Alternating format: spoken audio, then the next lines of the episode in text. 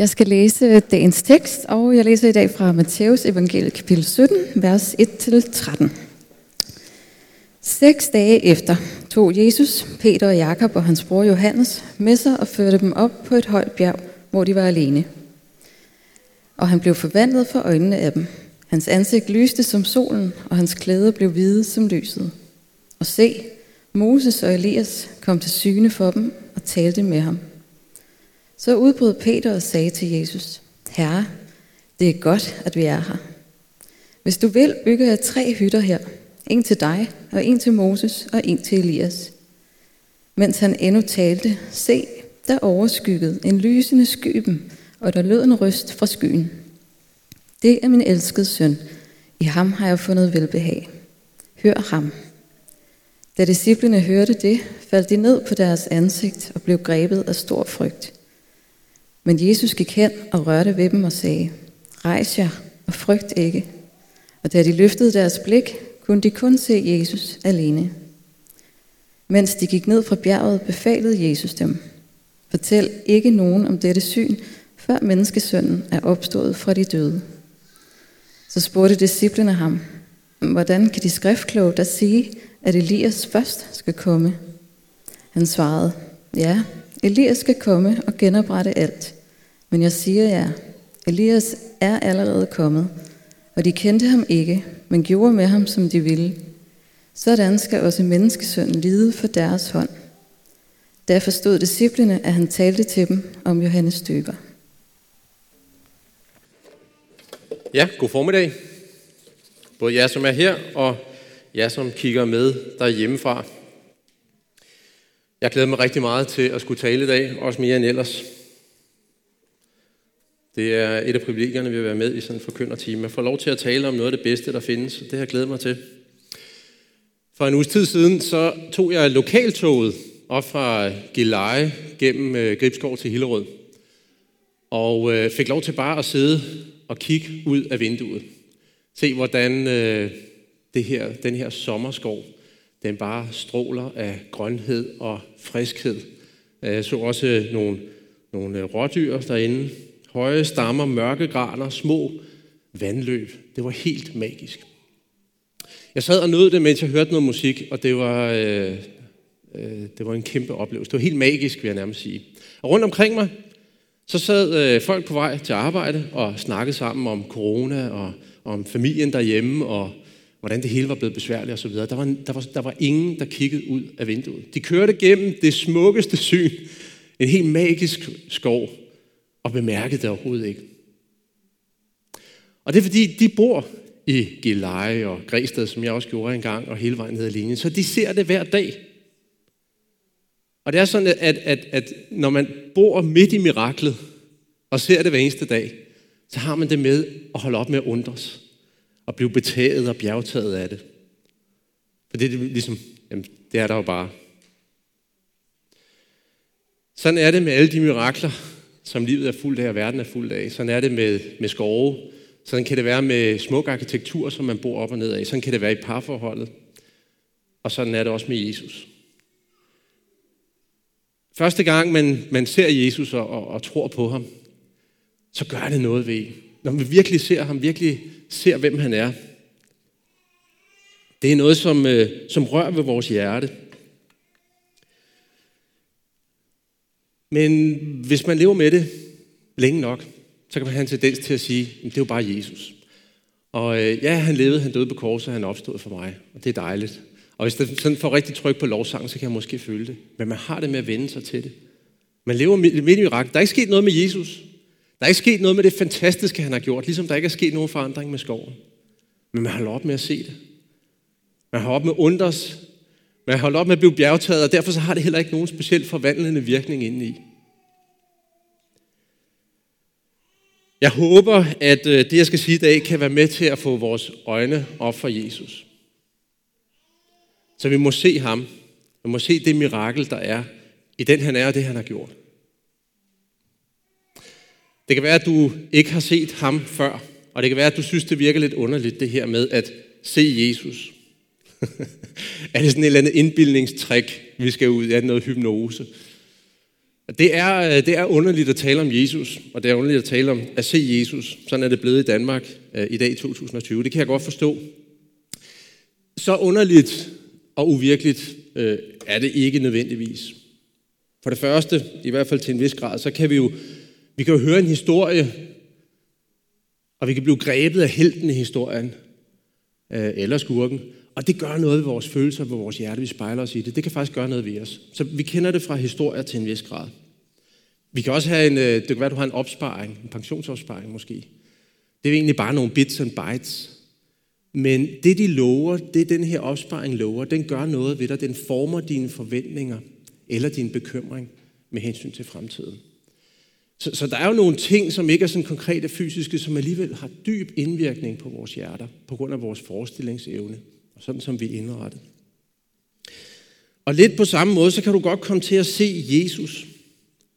Det er noget af det samme. Se, hvem han er, hvad han har gjort, og hvad det indebærer for dig og mig. At vi tager det til os, som han har gjort i historien, og stoler på hans løfter, det han lover, både nu og om fremtiden. Det kan forme vores følelser og forventninger. Det minder meget om historie og opsparing osv., men der er også en ekstra dimension, må vi bare sige, når det er Jesus. Og det er det, som vi kristne kalder Guds helligånd kommer til og gør noget, som går ud over vores fantasi og psykologi. Og det vil jeg bede om lige om lidt. Jeg beder om det for dig, som måske hører om det for første gang. Vi vil også bede om det for dig, som har hørt om ham en gang, men har glemt ham eller fortrængt ham, eller det hele er blevet så lidt gråt. Eller du har måske mistet troen på hans løfter. At du må kunne genoptage forbindelsen her og nu, og det må have en forvandlende virkning i dit liv. Lad os bede sammen. Kære Jesus Kristus, vi ønsker at se dig. Jeg ønsker i hvert fald at se dig igen med vores hjerte. Du må åbne vores hjerte, vi må se dig. For den du virkelig er, det du har gjort, og hvad det betyder for os. Jeg beder dig om, at dit evangelium, det gode budskab, det må skylle ind over vores hjerter som frisk vand og forny os i vores indre. Det kan øh, menneskeord ikke, det kan jeg ikke, men det kan du med din ånd. Og det beder om, du må åbne os for nu. I dit eget navn. Amen. Som I kan se på sliden heroppe i bunden af dem, der står der et øh, mobilnummer. Det er mit mobilnummer. Du er velkommen til at sms'e til mig undervejs med kommentarer eller spørgsmål. Så tager jeg nogle af dem enten heroppe fra scenen, eller du får svar på sms. Dagens tekst, som vi hørte her for lidt siden, den har en særlig betydning for mig. For det første så var det faktisk øh, den tekst, jeg talte om første gang, jeg talte her i Københavnerkirken for en, efterhånden en del år siden. Men det var faktisk også den tekst, som fik mig tilbage til den kristne tro i 1991, da jeg havde en, en, en kortere periode, hvor jeg ligesom havde forladt den kristne tro. Øh, der blev jeg på en særlig måde stanset for lige præcis den her tekst, og særligt det vers, hvor der står Jesus alene. Eller som der stod i den oversættelse, vi havde dengang. Ingen uden Jesus alene. Det var et ord, som Gud gav til mig på en forunderlig måde. Og det blev livsforandrende for mig. Det havde jeg også lovet ham, at hvis han gjorde, så ville det have betydning for resten af mit liv. Og det har det haft. Men meget mere og meget bedre, end jeg egentlig havde forestillet mig. Det, det har betydet noget for hele mit liv. Og siden da, så har jeg levet med Jesus. Jeg tror også, jeg gjorde før. Tidligere i mit liv, men jeg, levede, jeg har levet med ham siden da i op- og nedtur på en ny måde. Han er blevet på en særlig måde mit faste holdepunkt. Han er blevet mit geografiske nord. Jeg elsker kompas. Der er noget magisk ved, at sådan en kompas, uanset hvor du er i verden, så peger det mod det geografiske nord. Ikke? Vi kan diskutere mange ting, og vi kan ændre på ordenes betydning og begreberne osv. Men det geografiske, det geografiske nord, det er og bliver det geografiske nord. det er der ingen og intet, der kan ændre på. Og sådan er Jesus også blevet mit geografiske nord. Og det han er, det han har gjort, og det det betyder, det er der ingen og intet, der kan ændre på. Jesus alene. Der er stadigvæk ting i øh, Bibelen og i kristendommen, som jeg slås med og også kommer i tvivl om. Som jeg kæmper med. Øhm, det kan både være omkring øh, historien og noget af det, den siger, fortabelsen og sådan nogle ting. Det er dejligt at kunne vende tilbage til det geografiske nord. Jesus alene.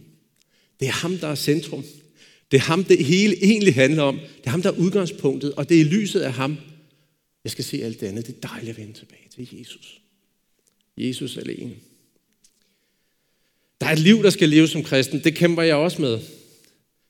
At det der med at følge ham, som vi taler om. Men det starter med det, han har gjort alene. Jesus alene. Hvad han har gjort. Det er derudaf det hele, det springer. Det får jeg lov til at vende tilbage til. Jeg tænker rigtig meget på mig selv. Der er faktisk ikke nogen, der tænker så meget på mig, som jeg gør. Det er så dejligt at have fået Jesus i mit liv, som jeg kan få lov til at tænke på og vende tilbage til igen og igen, når jeg er ved at rode rundt i mit eget liv i selvoptagethed.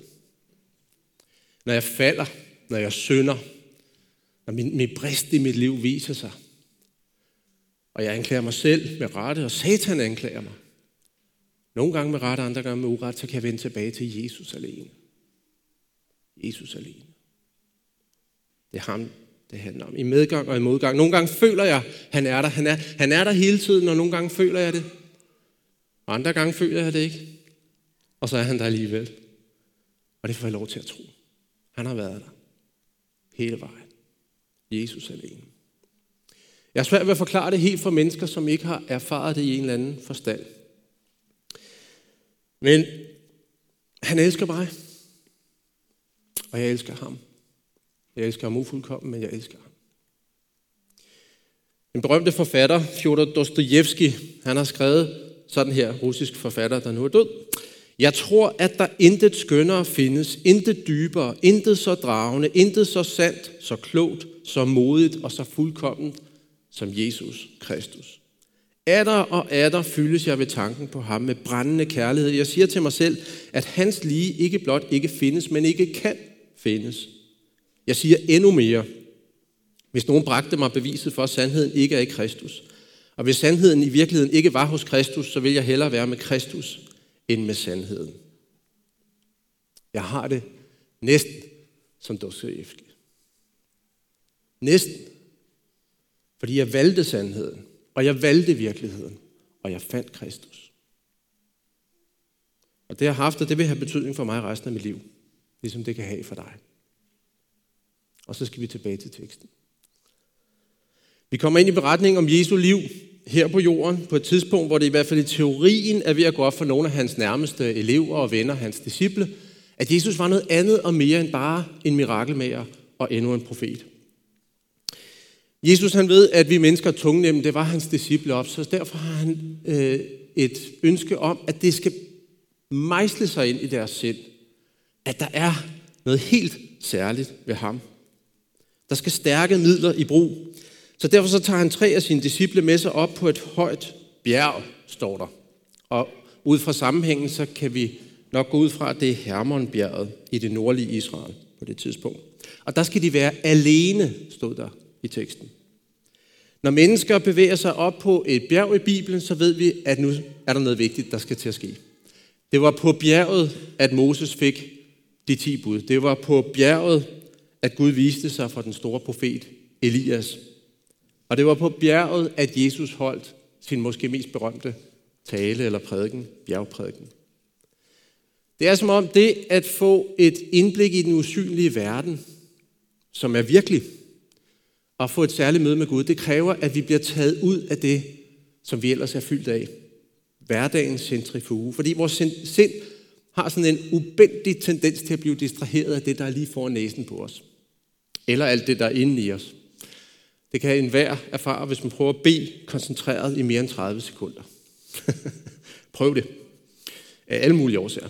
Derfor så tager Jesus disciplene ud af hverdagen. Han tager med op på bjerget i ensomhed og væk fra folkeskaren. Og mens de fire, Jesus og de tre disciple, er deroppe på bjerget, så får disciplene et enestående indblik i virkeligheden. Der står sådan her. Jesus forvandledes for øjnene af dem.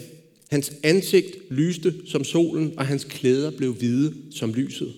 Og se, Moses og Elias, sjovt nok, kom til syne for dem og talte med ham. Jeg har tit tænkt på, hvordan de vidste, det var Moses og Elias, for der var ikke så mange pressefotografer på deres tid, der havde, eller historiemalerier. Men de må have sagt et eller andet, der gjorde, at de vidste, at det her det er Moses og Elias. Moses og Elias, det er nok ikke nogen navne, som sådan ringer den kæmpe klokke for de fleste danskere i dag, måske heller ikke for dig. Men for jøderne, og dermed også for disciplene, så var det altså deres, øh, deres øh, nationshistories og deres religions superstars. Ganske enkelt.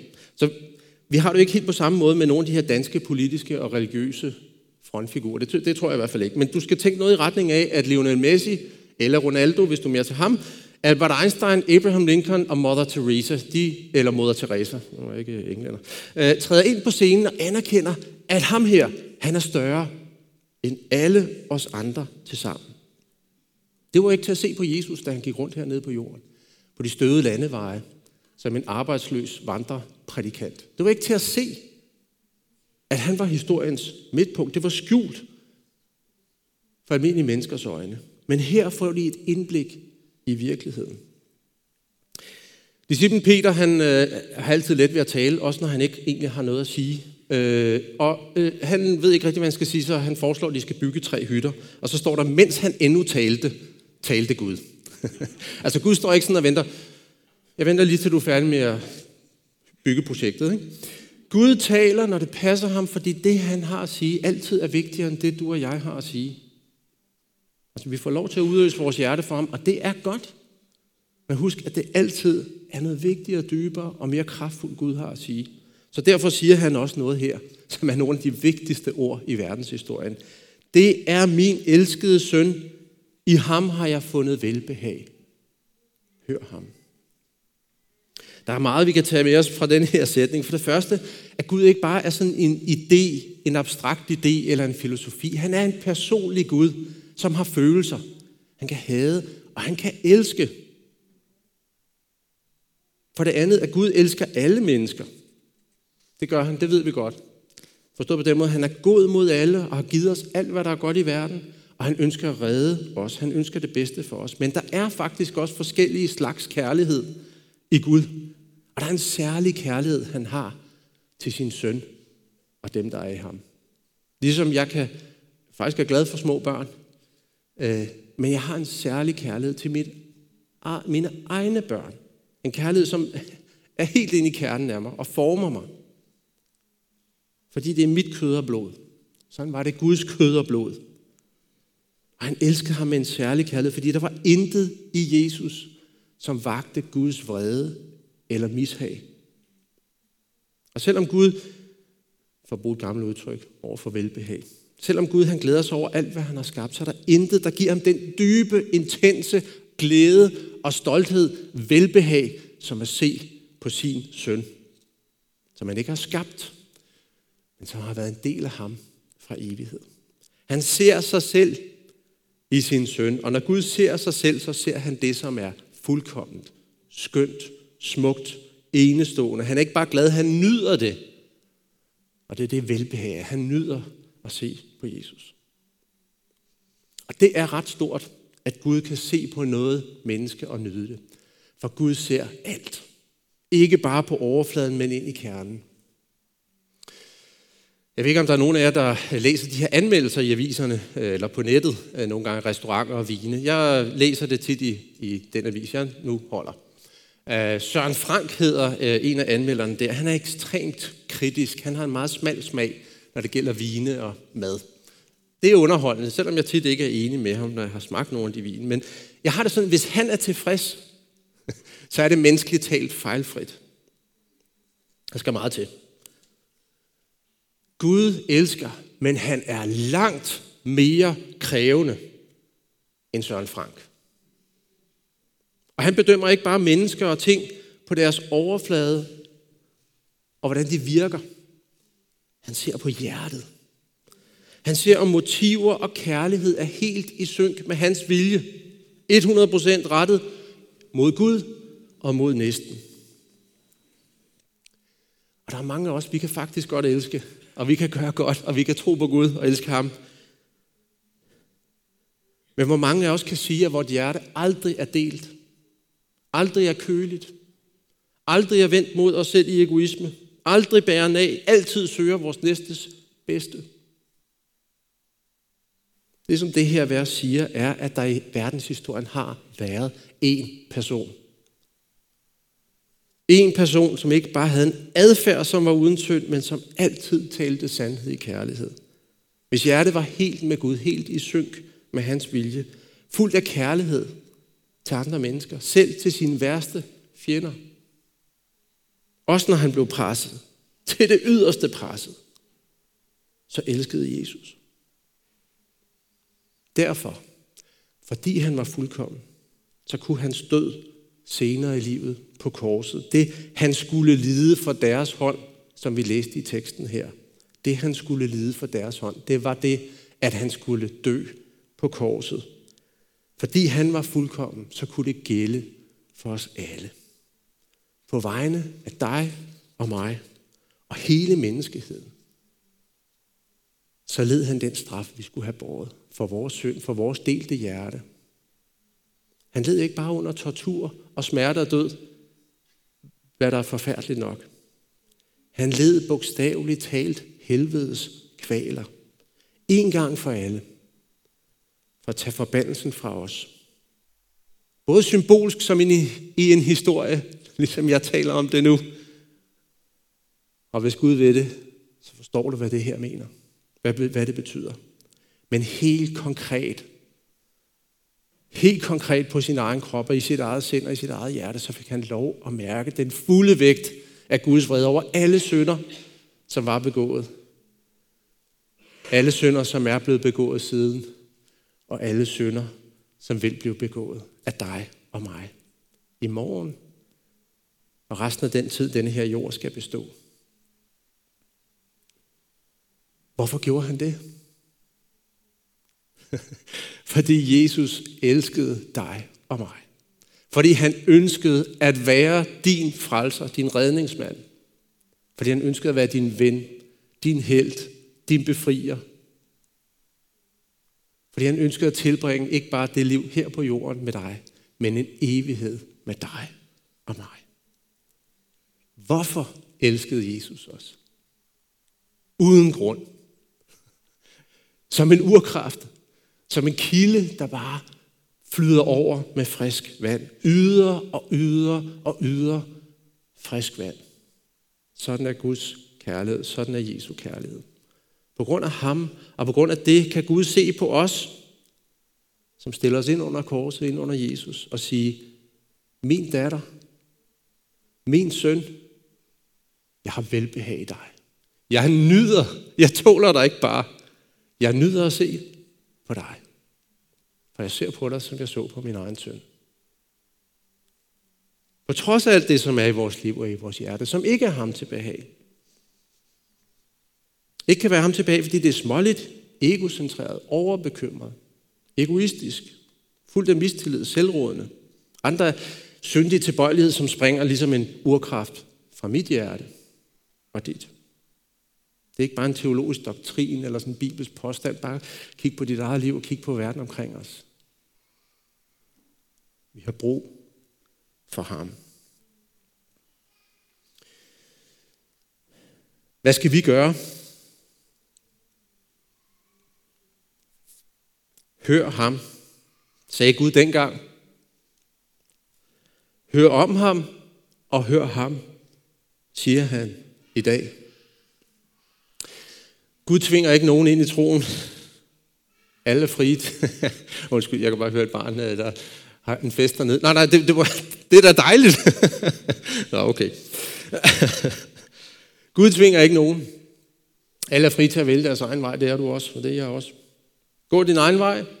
Tag det fulde ansvar for dit liv. Det er ikke, jeg er jo ikke sådan en sælger, der forsøger, altså, at jeg skal overleve, øh, eller have en succes ved, at du gør det, jeg siger. Og Gud øh, er overhovedet ikke afhængig af, om jeg eller du eller nogen som helst andre følger ham. Det er slet ikke sådan, det er. Gud tvinger ikke nogen. Og der er masser af religioner derude, der tilbyder en kur for livet. En eller anden måde at komme overens med alt det møg, der er i vores liv og i verden. Gør sådan og sådan. Lad være med at gøre sådan og sådan. Så bliver du ren, eller god, eller acceptabel, eller rigtig.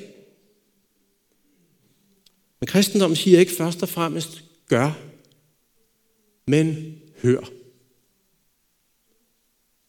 Hør og tag imod ham, som taler. Jesus Kristus. Det er derudaf alt det andet må springe. Hør om det, han har gjort, den han er, og hvad det betyder for dig. Hvis du hører ham og tager imod ham, så vil du også høre ham sige sit, frygt ikke, som han sagde til disciplene her. Frygt ikke, fordi alt det, som er rette får dig til at frygte, når du nærmer dig Gud, det har jeg taget på mig. Det har jeg båret væk på korset, ned i graven. Og det skal du ikke konfronteres med, når du er i mig. Frygt ikke. Ikke fordi der ikke er nogen fare i den her verden, eller ikke er nogen byrder eller nogen fjender, men jeg har overvundet dit livs værste fjender for dig. Synden, døden, dommen, djævlen. Så hør hans ord, lyt og læs i det. Læs i Bibelen. Og jeg vil sige lidt om nogle hjælpemidler til at komme i gang med det efter en lille pause. Hør ham og se ham.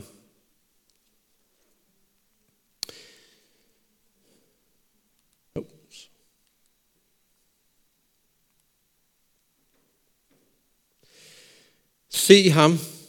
Bed Gud åbne dit hjertes øjne. Se ham, som han virkelig er.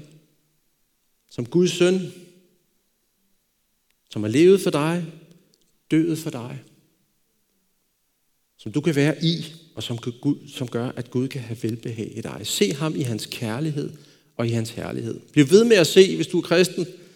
Fordi det, du ser på, det, du fokuserer på, det former dig. Enten om det er det hæslige og vulgære og grimme, eller det er det skønne og fuldkommende og sande.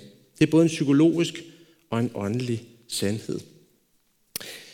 I Bibelen står der sådan her, alle vi, som med utilsløret ansigt i et spejl skuer Herrens herlighed forvandles efter det billede, vi skuer, fra herlighed og til herlighed, sådan som det sker ved den Herre, som ånden er. Det er den sandhed, som Paulus formulerer her. Der er et vers af en øh, salmedigter, der, der er død i dag, men hun hed Jean Pickett. Hun har skrevet det på engelsk, så jeg læser det lige på engelsk, som jeg synes er stærkt, og som også taler ind i det her. Jeg har lært det udenad, og det vil jeg også opmuntre dig til at, at, at gøre, hvis du, hvis du tænker, her er noget, som er værd at holde fast i. Jesus, I am resting, resting in the joy of what thou art. I am finding out the greatness of thy loving heart. Thou hast bid me gaze upon thee, and thy beauty fills my soul. For by thy transforming power – Thou hast made me whole. Se ham. Se, hvem han er. Se, hvad han har gjort. Både i konkret forstand, men også i overført betydning. Og det vil gøre noget ved dit hjerte, når ånden vil. Hør ham. Se ham. Og smag ham. Kom til ham i nadvaren. Spis ham. Lad ham blive en del af dig. Så du kan blive en del af ham. Og Gud vil have velbehag i dig. Lad os bede sammen. Kære Jesus Kristus, tak for den du er. Tak for det du har gjort, og det det betyder. Tak for at vi får lov til at se det, høre det, se det, smage det, tage imod det. Og tak for det, det det hele starter og slutter med. Vær vores centrum. Vær vores fokus. Vær vores lys, som vi ser alt andet ud fra. Tak for, at du er min ven, min held og min befrier. Tak for, at jeg må være din bror, nu og altid. Amen.